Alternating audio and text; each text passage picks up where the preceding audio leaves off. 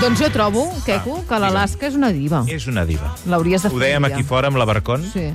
És una diva. És una diva, l'hauríem de fer. I l'hauríem de fer, sí, sí, sí, sí, l'hem de fer, l'hem de fer. La farem. Val, la farem. De moment, qui tenim avui Però com a, avui, com a amb diva? aquest temps que ens queda, hem de parlar d'una superdiva del setè art, una dona que hauria necessitat molts llibres per condensar la seva vida intensa, festes sense fi, diamants gegants, marits per parar un carro, amants. La dona dels ulls violeta, Dame Elizabeth Rosemont Taylor, coneguda com Elizabeth Taylor.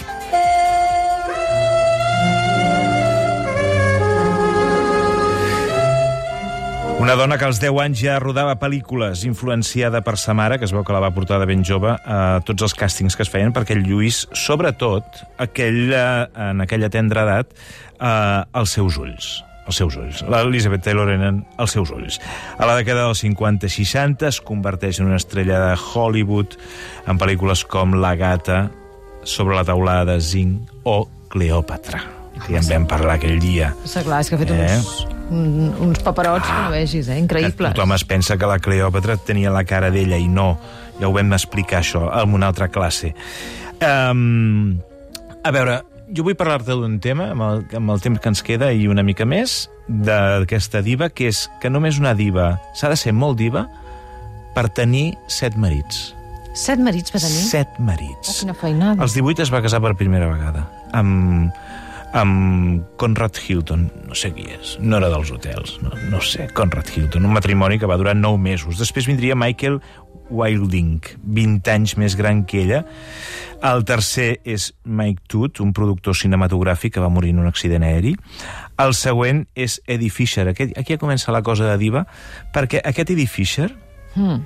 era el millor amic de l'anterior marit, Ah, del que havia mort. sí? Ah. i la parella de la seva millor amiga. Oh, oh, oh. Vale? Això és ser molt diva, eh? Cuidao.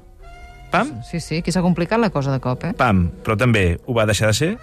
I arribem al cinquè, i aquí hem de fer una pausa perquè estem parlant de Richard Barton.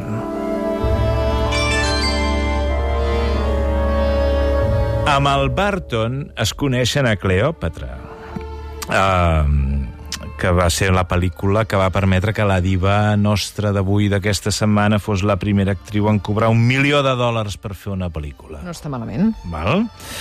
Ell hi anava a fer de Marc Antoni, un dels amants de la reina d'Egipte. I diuen que el rodatge de l'escena del primer petó, o sigui, van seguir, van continuar, I es van quedar allà enganxats. malgrat els... El... Talleu! No, no, No no, feien tallaven. cas, no, no. no tallaven, Oh. no tallaven. Oh, quina no història tallaven. més maca. Bueno, allà saltaven espurnes, mm, cap dels dos fa res per amagar-se'n, i comença aviat una història d'amor entre dues persones casades que farà les delícies de la premsa del cor de l'època que els converteix en la parella de moda. Aquella història... Eh, o sigui, seguia una pauta, saps? O sigui, la, la història era passió desenfrenada, bronca monumental, reconciliació passional, bronca monumental, reconciliació passional, bronca... Així anar fent, eh? tot regat amb alcohol, que es veu que els dos eren esponges Mm. directament, i de fet era tal la passió que es van casar i separar, i casar de nou, Ah, sí? i separar definitivament. Sí, sí. Oh, que cansat. Una cosa bastant tormentosa, eh? Bastant tormentosa. El Vaticà els va qualificar de vagabunds eròtics. Que tenia dia. que Sí, tenia el... no ho sé, no ho sé. Vaticà. Ah, Bé, després Ento- en van venir dos més. Es va acabar casant amb un paleta que va conèixer en el centre de desintoxicació de Liz Taylor i eh, s'hi va casar casant i s'hi va quedar separant, evidentment. Li agradaven molt les joies i vull explicar-te una història d'una joia que li va regalar el Richard Barton, eh, un pedrot d'unes dimensions descomunals. Eh, però, aquest, però no era un pedrot qualsevol. Ah, que era la tam- Pantera no, Rosa. Tampoc era la Pantera Rosa, no. No, no és ben bé la Pantera Rosa. Es tractava de la perla peregrina. Agafa't, eh? Una pedra preciosa que en el seu moment va ser propietat del rei Felip II Ai, ai, ai, de Borbó? d'Espanya. Ah, sí? T'ho juro. T'explico. El 1515, un esclau troba a Panamà aquesta perla de grans dimensions. El cas és que, di- diré-li com vulguis, la perla va parar a mans de Felip II de Castella. Que no fos perquè eh, era el rei del país colonitzador. Eh? Va, és igual. Total, que la perla viatja a Espanya i és lluïda amb molts quadres dels Borbons que hi ha exposats eh, al Museu del Prado. Sempre la veuràs allà, la perla peregrina. Però llavors arriba la guerra dels francesos i Josep Bonaparte envaeix Espanya i es queda amb la perla.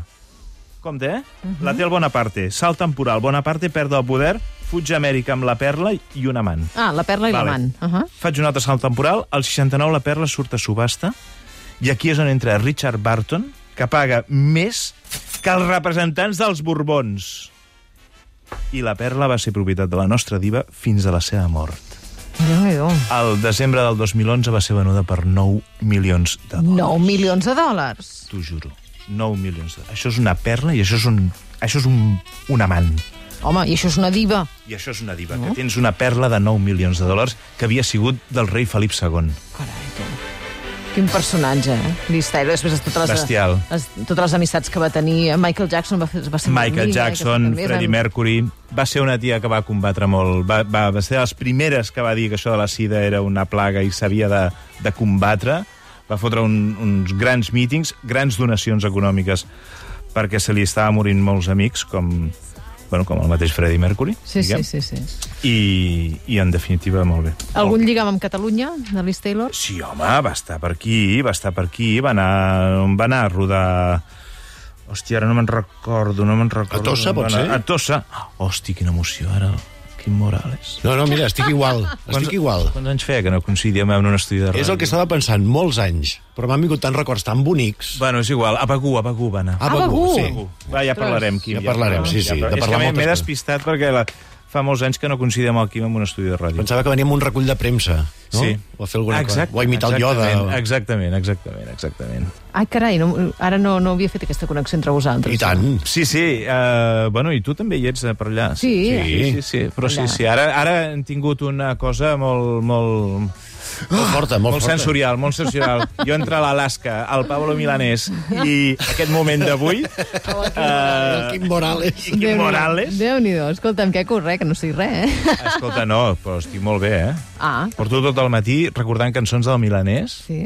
i, i emocionant-me, Doncs, perquè m'agradava molt. doncs que l'acabis de, de recordar com toca. Gràcies, Mira, Queco. veus que bé, fins la setmana que ve. Fins la setmana que ve.